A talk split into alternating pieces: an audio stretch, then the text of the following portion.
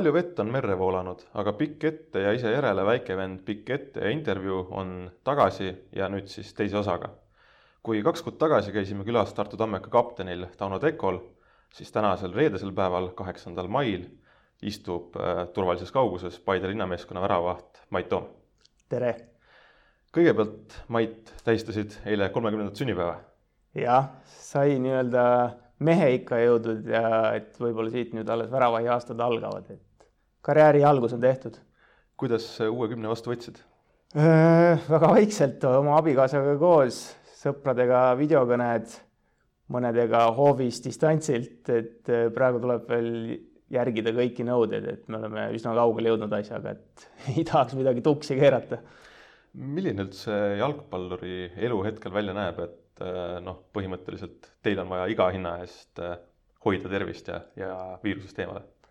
Jah, et jalgpalluril nagu isegi ütleme, kui ei ole selline kriisiperiood, siis tervis ongi tema nii-öelda valuuta ja üldse, mille pära-, millega ta saab tööd teha.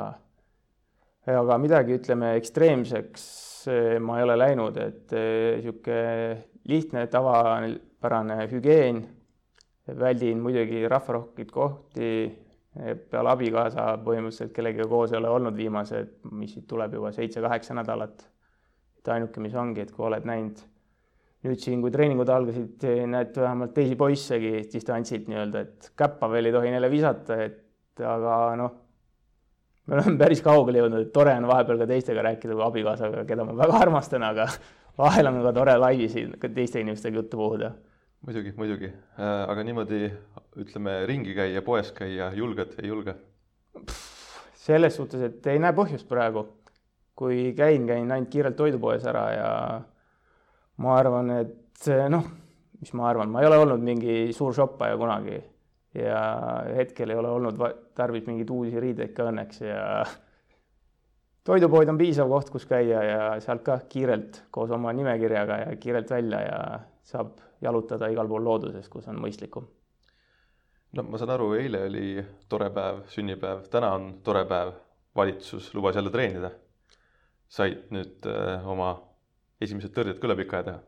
jah, ütleme, et valitsuse poolt ei olegi kunagi sellist sünnipäevakinki mulle tehtud, et äh, ärkasin hommikul, väravasti treener oli kirjutanud, et võta kindad kaasa, et eile tundub, et päris hilise õhtul tuli veel see info ja otsus, et võib siis palle püüda, tõrjuda, täna mingid tõrje moodi asjad sai tehtud, et aga ütleme, et keha on üsna kange veel, et ei ole harjunud. Kuidas see tänane trenn välja nägi, et kas tegite väravahtidele ikkagi eraldi või, või juba Slava lubas ka väikese sellise mängulise elemendi lõppu? täna me olime veel eraldi, aga muidu küll täitsa tavaline treening, et nagu ei olekski midagi olnud no trenn oli sul siin Sportland Arenal ja, ja räägime ka tegelikult praegu A Le Coq Arenal, mis on sulle päris pikalt juba olnud teiseks koduks alates aastast kaks tuhat kaksteist, et kõigepealt Flores ja siis nüüd Paide linna meeskonnas, et käid ikka siia trenni, et mis su, ütleme, esimene mälestus selle paigaga on?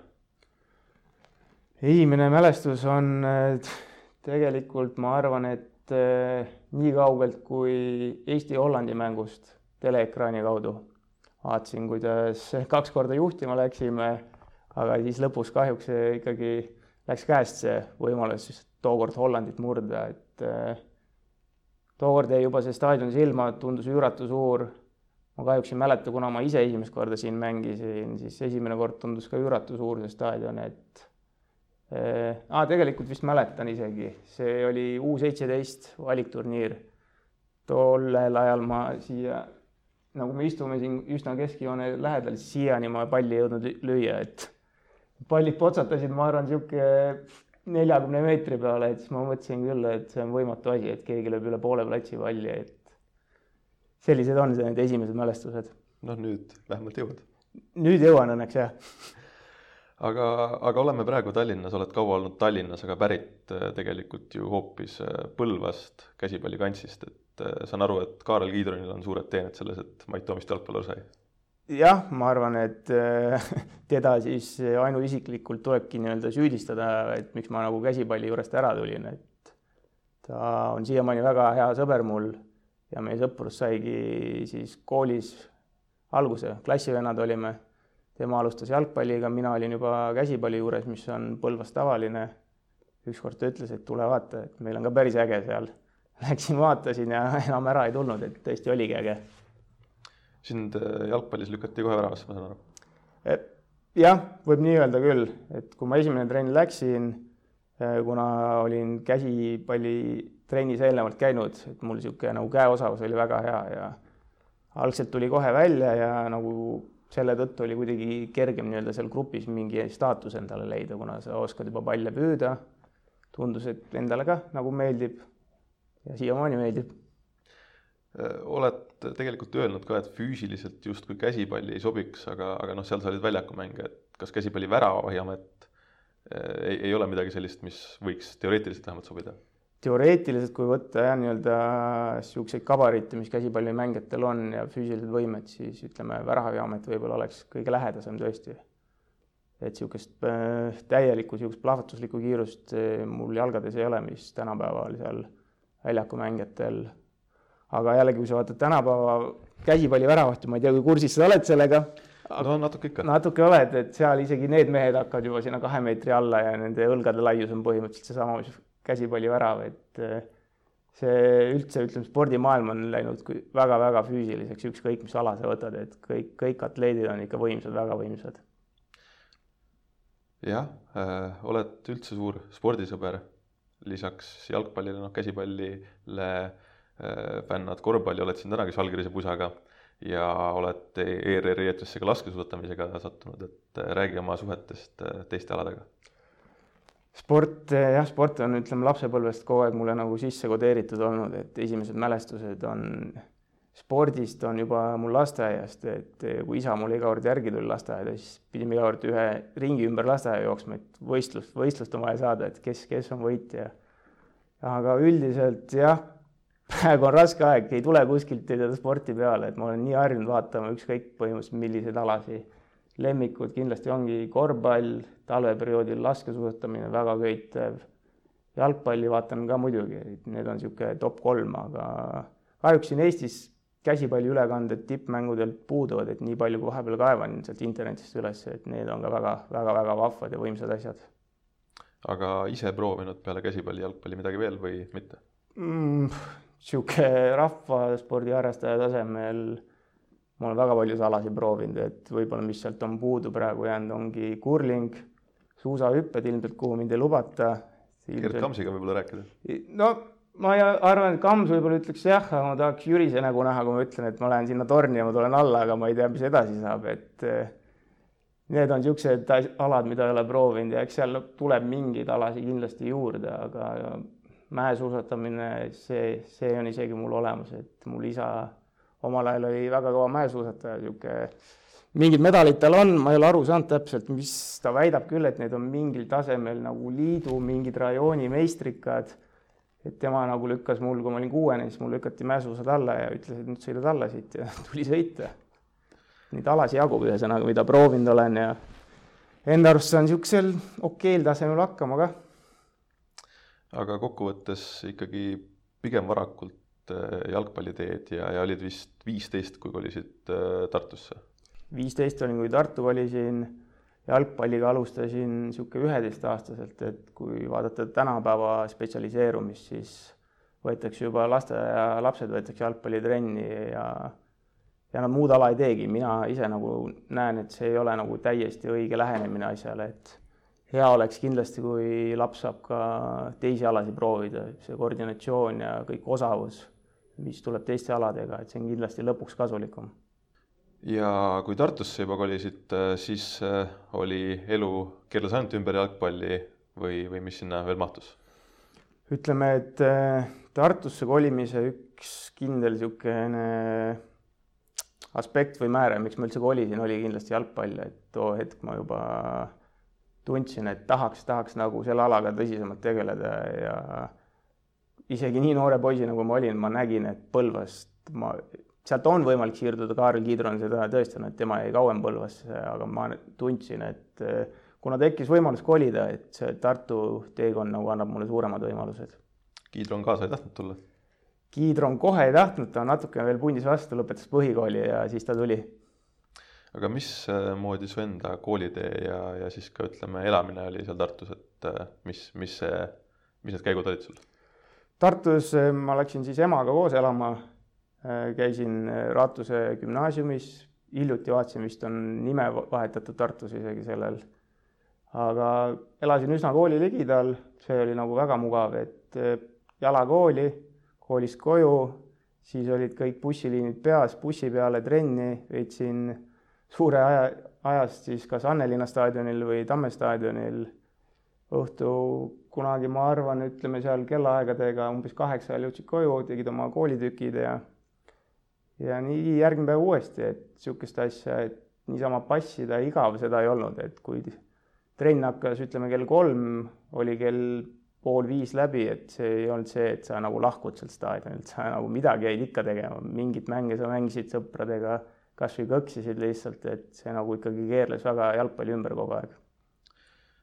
ja mis vanuses sa, ütleme siis eraldi elama kolisid või tuli see alles Tallinnasse kolimisega?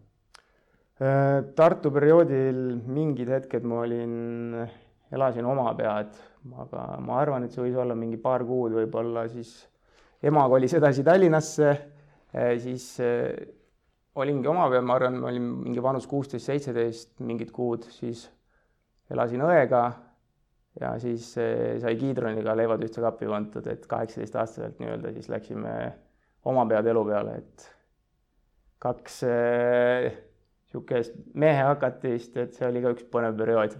kaks mehehakatist Põlvast Tartusse lastud kõlab tõesti põnevalt. see jah, ütleme, et see oli niisugune plahvatuslik kombo, aga õnneks mõlemas kasvasid väga okeid inimesed äh, mängisid tol ajal Tartu Tammekas, äh, jõudsid seal ennast põhikoosseisu mängida päris tugevalt pilti, olid kaks tuhat kümme juba Soker.neti lugejate Premiumi liiga parim väravvaht. mis on see, mida sa soovitaksid kümme aastat nooremale Mait Toomile?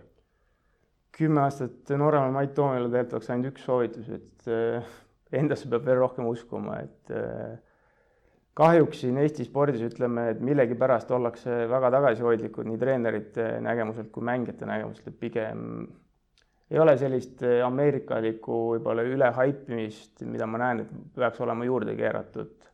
kuna kui sulle öeldakse umbes kaheksateistaastaselt, et su lagi on Skandinaavia, see ei kõla väga nagu niisugune fantastiliselt, siis mõtted hakkavad keerlema ka ülikooli tee peal, kõik muud asjad, et noh kui võib-olla keegi seal oleks öelnud, et su lagi võib olla Inglise kõrgliiga, Hispaania kõrgliiga, ilmselt oleks suutnud pigistada rohkem ennast, endast välja, et oleks teinud mingitel hetkel rohkem lisatrenne, et niisugune, mis vajakajäämise koht oligi, ütleme kaheksateist kuni kakskümmend, et siis ma ei olnud kindel, kas ma lõpuni saab nii-öelda täitsa profijalgpallur, et käisin ka ülikoolis kõrvalt.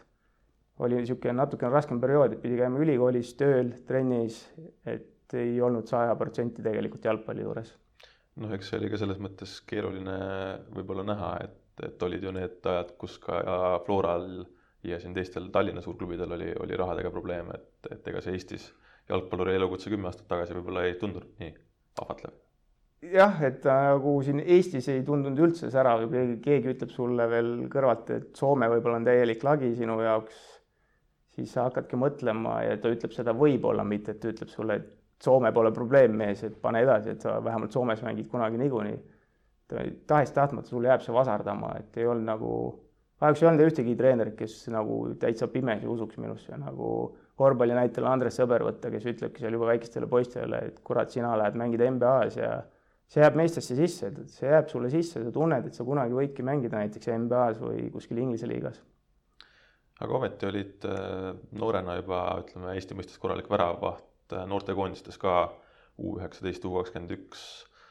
tagantjärele tundub, et need olid nagu päris head aastakäigud, et mängisid seal koos näiteks Karol Metsa, Ilja Antonovi, Henri Anieri, mitmete praeguste premium-liiga tegijatega. on sul koondise perioodist mõni eremälestus? koondise periood oli niisugune väga vinge tegelikult, et äh, toodi meile ju välistreener Frank Bernhard, kes oli nagu meie vanusega üheksakümmend sündinud väga pikalt ja tema pani selle asja nagu hoopis teistmoodi käima, meil oli väga palju välismänge, välislaagreid, me saime mängida väga tugevate riikidega, olime esimene koondis, kes läks ka sellest esimesest valikgrupist läbi U üheksateist tasandil.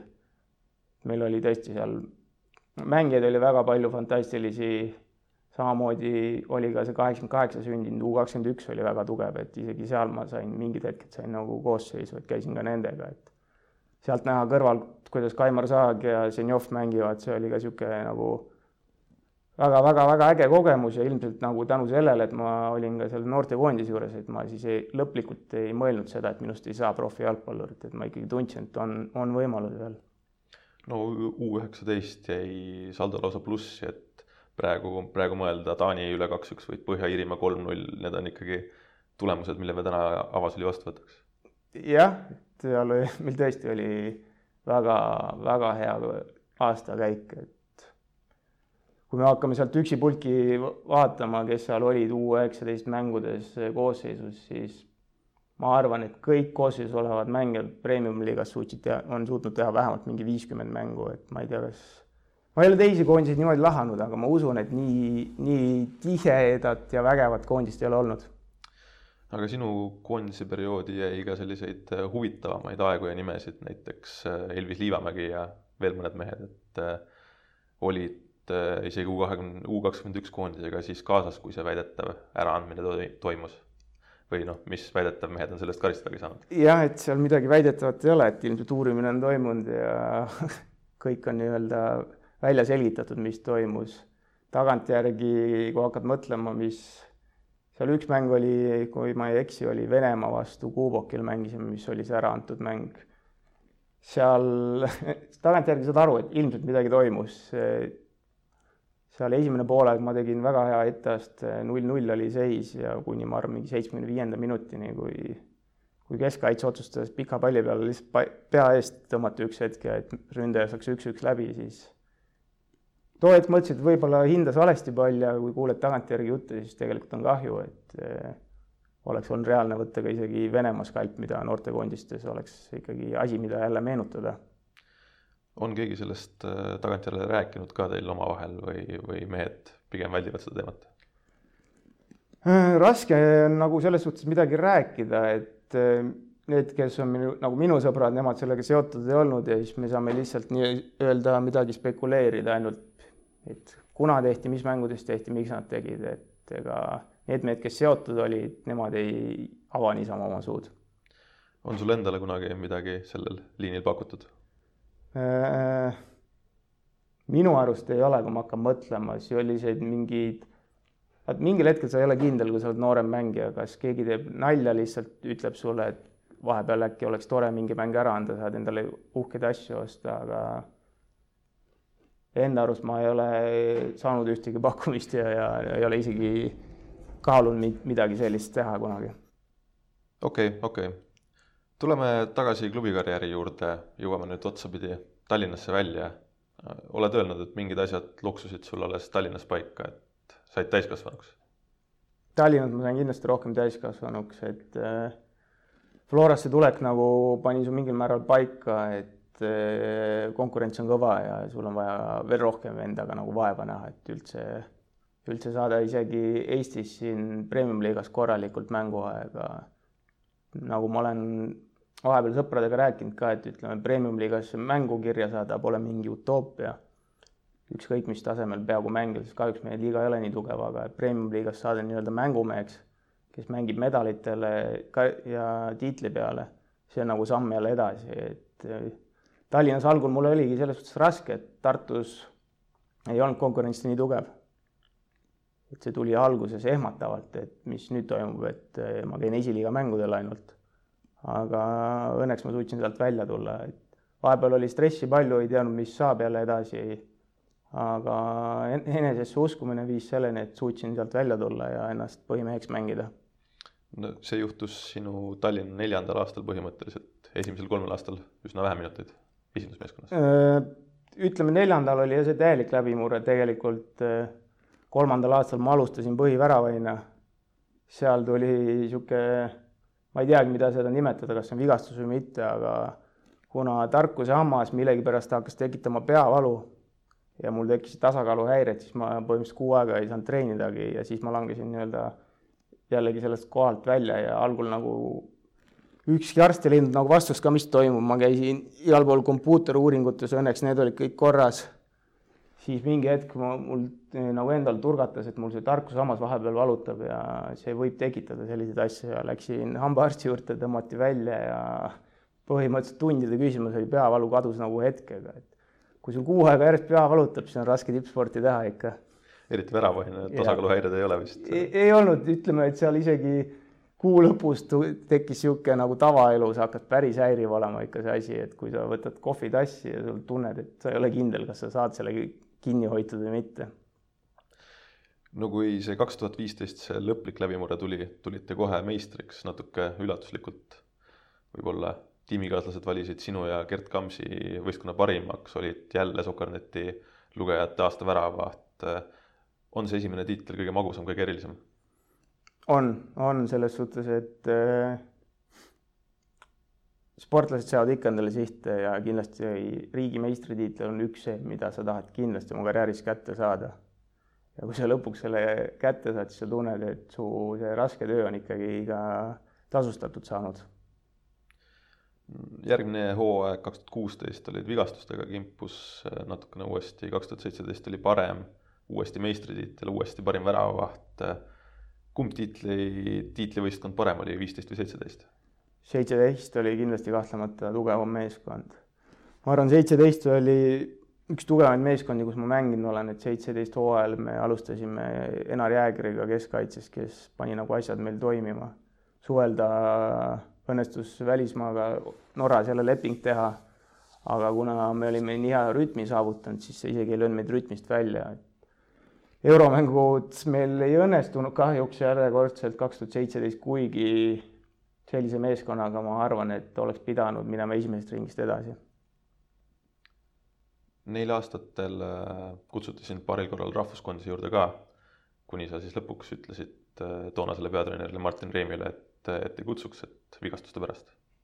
on nii? jah, nii on. vigastusi on sul olnud äh, palju, ma saan aru, erinevaid? Kahjuks on küll jah, et äh, keeruline on, vaata, kui sa tahad tippspordis nagu jõuda kaugele, sa tead, et sa pead ennast kogu aeg pressima ka vabal ajal, et teha midagi juurde, aga kui sul ei ole antud sellist keha, mis peaks kogu aeg niisugusele pingele, stressile juurde, siis sa pead väga täpselt manageerima, et kuna kuna sa võid panna lisatreeninguid, kuna sa ei tohi, et vanusega niisugune keha kuulamine on tulnud juurde.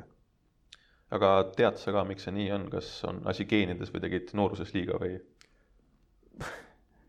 ma ei taha ema-isa süüdistada geenide tõttu, aga ma arvan, et see ongi lihtsalt niisugune paratamatus, ütleme, kui meil kõigil oleks samasugused füüsilised võimed ja kehaline võimekus, siis tippsportlaseks saamine oleks võib-olla kuidagi kergem. Et need, kes jõuavadki ikkagi täiesti sellisele A-koondise tasemele täielikult äh, mängumeesteks seal, et neil on ka antud looduse poolt seda kehalist vastupidavust just sellele koormusele vastu pidada. oled sa kokku lugenud ka, kui palju sul erinevaid vigastusi olnud on? siia sõites ma millegipärast eeldasin, küsitakse ka vigastuse kohta, aga ma ei suutnud kokku lugeda, kuna pisitraumasid, mis sind jälle kuu aega väljas hoiavad, neid on kahjuks liiga palju olnud, ütleme karjääri jooksul kaks niisugust tõsisemat on ka olnud või isegi kolm, et need nagu on rohkem meeles. Tammekas juhtus randmevigastus, siis ma olin, ma arvan, ma olin peaaegu kuus kuud väljas, et seal randmeluus tekkis sellises toredas luus nimega lodiluu tekkis murd ja see hoidis mind väga pikalt väljas. siis on olnud ka sõrmeoperatsioon, samuti Tammeka aegadel ja siis reielihase rebend oli siin Flora, oligi kaks tuhat kuusteist aastal superkarikal. Lihtsalt, kui lööd pikka palli superkarikal ja sul reielihases tunned, et mingi plõks käib, et jookseb kokku, et siis oli ka niisugune huvitav teistmoodi tunne, algul ei saanud arugi, mis toimub, aga kui saad aru, et põlve ei saa tõsta enam, siis tundus, et asi on jamasti on äh, mingisugune selline ihuliige ka, mis sagedasti kimbutab või, või mis nagu kõige rohkem häda põhjustab mm,? Tui-tui-tui, et hetkel nagu õnneks ei ole, et ma arvan, et ma olengi suutnud selle vanusega nii-öelda jõuda üsna stabiilsesse seisu, et suudan treenida enda kehaliste võimete täielikult niisugune piiri peal, et kindlasti mingid hetked annab keha tunda, aga siis ma oskan ka kuulata teda. no sellest koondise loobumisest veel, et äh, kas, kas natuke kripeldab ka, et äh, Mait Toomi nimi A-koondise mängude loendis on kirjas, aga nime taga null mm,?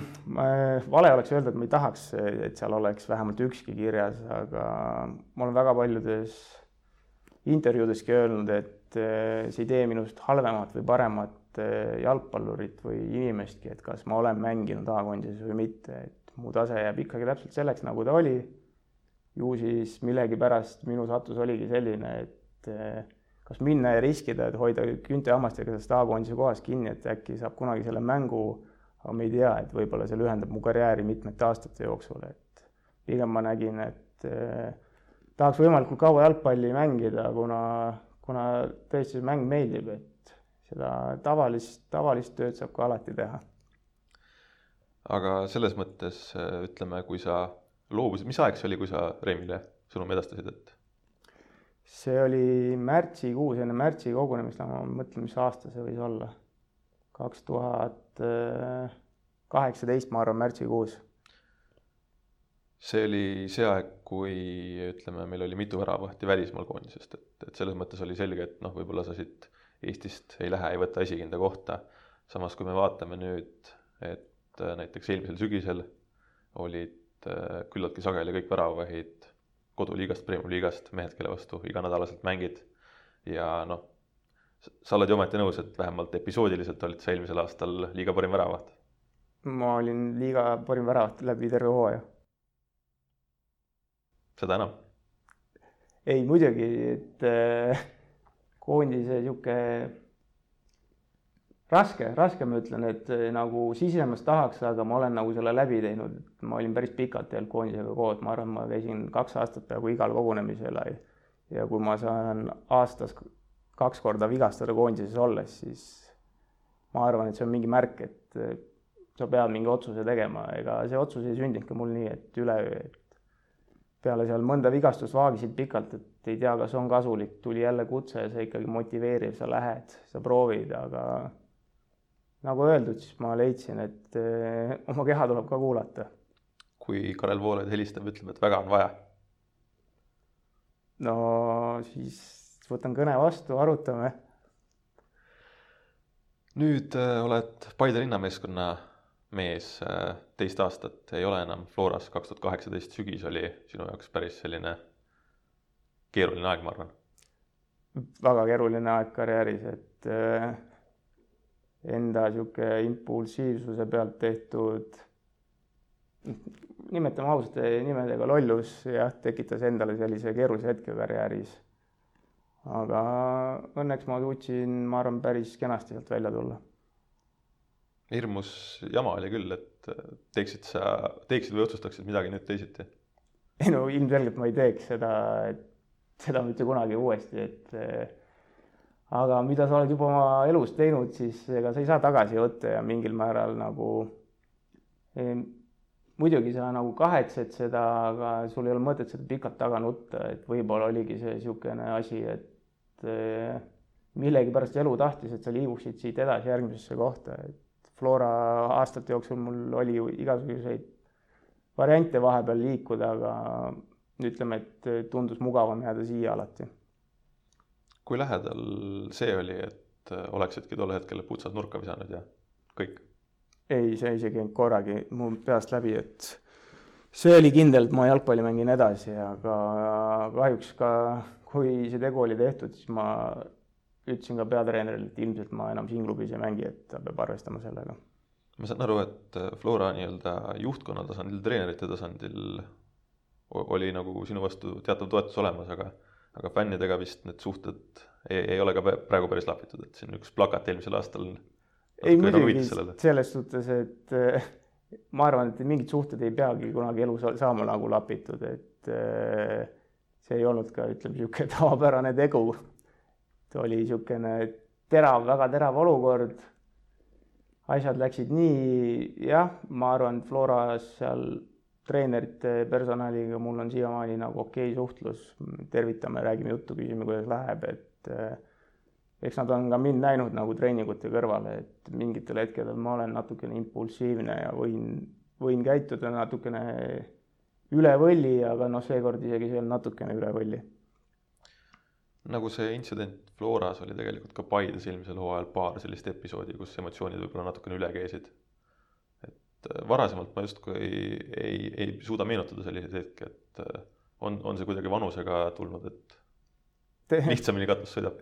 See on nagu huvitav, tegelikkuses olen vanusega jäänud rahulikumaks, aga jah, on tekkinud võib-olla niisuguseid konfliktsemaid olukordi väljaku peal, et varem ei ole sattunud sellesse nii tihti või siis, või siis olen kuidagi tulnud paremini välja nendest, et ja olid eelmine hooaeg ka mingid teravamad olukorrad, aga ma ise nagu ei tähtsusta neid nagu väga üle, et see on ikkagi niisugune emotsionaalne, emotsionaalne spordiala ja sa lähed väljakule, sa lähed põhimõtteliselt ikkagi võitlema vastastega, mitte et lihtsalt mängime jalgpalli see on võib-olla mingis mõttes ka väravahi kutsehaigus, et kui isegi igipõline härrasmees Gianluigi Buffon nimetab kohtuniku südant prügikastiks, siis.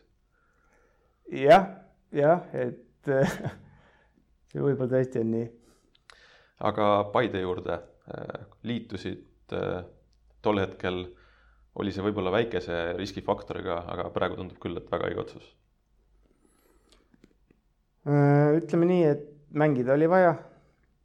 Ega mind sidus Floraga leping, et see ei olnud selline, et ma lähen nüüd hakkan ise endale klubi valima, et seal siiski pidid klubid saama omavahel eh, nõule ja et kuidas sobib mõlemale mingine liikumine, üleminek, et ma ei olnud ju täitsa vaba agent, et tollel hetkel ma nägin, et Paidega miks mitte, et äh, neil oli probleeme, ütleme, kaitsetöös, värava ja ametis väga mitmeid aastaid, et ma tundsin, et ma võin neid aidata väga, väga tugevalt seal. ja eelmine hooaeg vist näitas, et aitasid ka, et meeskondlikult noh, neljas koht küll, aga, aga samm, suur samm edasi, väga okei okay,, aga samas südames oleks kindlasti rohkemat tahtnud, jah, et eh, tegelikult medalite jäämine oli suur pettumus, vähemalt minu jaoks. kui hooaja, ma arvan, mingi juunikuus rääkisin meeskonnakaaslastega, ma ütlesin, et kui me jääme praegu ilma medalita, siis tegelikult ma olen aasta lõpus pettunud tegime muidugi suured sammu edasi, klubi tegi väga head tööd mängijate värbamisel, pandi täielikult täkkesse, aga ikkagi mingid sellised, peab ikkagi vaatama endale otsa, et mingid mängud me lasime ise ära käest. kodus Kalju vastu üks-null kaotus, kui nemad olid punase kaardiga, et sinna läks medal kindlasti. No uus hooaeg on nüüd loodetavasti kohe ukse ees või noh, teine voor siis. olete sellel aastal tugevamad kui eelmisel? muidugi selles suhtes, et meeskond on põhimõtteliselt sama nagu eelmine aasta, mingid väiksed üksikud muudatused. trenni oleme teinud veel tugevamalt kui eelmise aasta jooksul, nii et siit ei ole variantigi, et nõrgemad oleme. kui see hooaeg nüüd pihta hakkab, on ta veidi kummaline, veidi teistsugune, tõenäoliselt natukene lühem kui kolmkümmend kuus vooru, et kas see võiks teile teoreetiliselt mingisuguse eelise anda või? ma arvan, et see ei anna mitte ühelegi meeskonnale mingit eelist, et eh, see ei ole ka selline karikaturniir, et kus sa kohtud ainult üks-kaks korda, et kui vähemalt mänge on üle niisuguse kahekümne viie, siis sa ei võida kunagi mingi õnnefaktoriga seda tiitlit, et tiitli võidab alati kõige tugevam meeskond, kuna mänge on nii palju, et ma arvan, et see ei anna kellelegi mingit eelist. Aga mingisuguse sihi julged välja öelda? medal, meistritiitel? no vaadates seda, et Euroopasse põhimõtteliselt Eestist enam ilma medalita ei pääsegi, siis seekord ilma medalita jäämine oleks veel suurem löök. aga vaatame natuke kaugemale tulevikku, et Paide tahab siin oma baasi ehitada, eks ole, uut äh, staadionit ja hoonesid ja kas Paide mängijad on valmis siis ka Paidesse kolima? Minul ei oleks selle vastu midagi, et Põlvas sündinud poisina on Paide isegi siis suurlinn veel võrreldes Põlvaga. et miks mitte, Paides ma arvan, isegi oleks selline noorte meestel veel kergem nagu jalgpalli juures püsida, et Tallinnas on ikkagi neid atraktsioone jagub, sul on kohti, kus käia väikses kohas, sul ongi, et sul on ainult jalgpall. nagu Saliste ütles, et Narvas oli jube tore. just nimelt. Millest äh, Mait Toom veel unistab, on tal jalgpallurina midagi püüda? jaa, on siin koroonakriisi ajal istusin maha, mõtlesin, kui kaua ma veel mängin seda jalgpalli, et oleks tarvis nagu panna mingid, ütleme, sellised arvulised sihid. kuna ma võin öelda, et noh, kui ma selle saavutan, et siis on kõik. kindlasti üks on, kui me tuleme Paidega meistriks, see oleks selline asi, mis jääb Eesti ajalukku, et eh, see on mu suur soov vähemalt nagu see Tallinnast ära tuua, see meistritiitel. see annaks Eesti jalgpalli, ma arvan, päris palju juurde, et väiksed poisid väiksematest kohtadest usuvad, et on midagi võimalik teha. ja kui veel spetsiifilisemaks minna, siis ma kavatsen nii kaua mängida, kui mul on kakssada nullimängu meistriliigas kirjas. tead sa ka, palju sul praegu on? üheksakümmend kuus. siis tuleb ikkagi Buffoni massi karjäär teha. no jah, tuleb ilmselt kümme aastat panna edasi, et loodame, et need hooajad ei jää nii lühikeseks ilmselt nagu see hooaeg, et mida rohkem mängida, seda suurem šanss on sul ka neid nullimänge teha. koondisest äh, rääkisime, välismaa. ja ma olen nagu täielikult avatud, aga ma mingil määral olen ka realist selle koha pealt, et eile sain kolmkümmend. kui paljud nagu välisklubid vaatavad kolmekümne aastast Eesti väravahti, kes ei ole kunagi välismaal mänginud pole koondises mängukirja saanud. sa pead olema ka mingitel hetkedel realist, aga kindlasti mingite heade juhuste kokkusattumistel on see võimalik, et kellelgi ongi vaja, nad näevad, et su profiil on piisavalt sobiv. no ma tean, et ma tasemelt saan hakkama kindlasti siin Põhjamaades, sellega ma nagu ei muretseks, aga seal peabki langema väga paljud asjad kokku siiski. Oled mingis intervjuus ka maininud, et äh, tahaksid värava lüüa, see siis on ikka silme ees? seda tahaks tõesti veel teha ka, jah. kaks tuhat seitse noorteklassis ühe lõid. siis sa olid väljaku mees. siis ma mängisin tipuründes. mäletad ka, kellele? Äh, võis olla Flora kaks äkki. oli Flora kaks? jah. jäid võib-olla seal silma juba? võib-olla. aga lõpetuseks äh, võtame ette nobedate näppude vooru, küsin mõned küsimused, vastuseid põhjendama ei pea, kui soovid, muidugi võid okei okay.. Tartu või Tallinn? Tartu. kohvi või tee? kohvi. kino või teater? kino. kass või koer? koer. kõige meeldejäävam reisisihtkoht? Lõuna-Korea. hea vastus. käisid Henri Anilal külas? ei käinud, käisin aasta varem kusjuures seal ja natukene suhtlesin isegi temaga, kui ta seal oli, et see on tõesti niisugune väga-väga vinge riik, kus käia. Film, mida viimati vaatasid? täitsa tühjaks tõmbas nüüd pea. ei ole koroonakriisi aeg Netflixi uppunud? ei ole õnneks jaa, aga film viimane. ma jäin võlgu ja praegu, ma ei hakka mingit vanat filmi ka ütlema, mida ma vaatasin kuu aega tagasi äh, laul, mida hetkel kõige enam kuulad? Äh, lauluks on Traffic'u Eurovisiooni lugu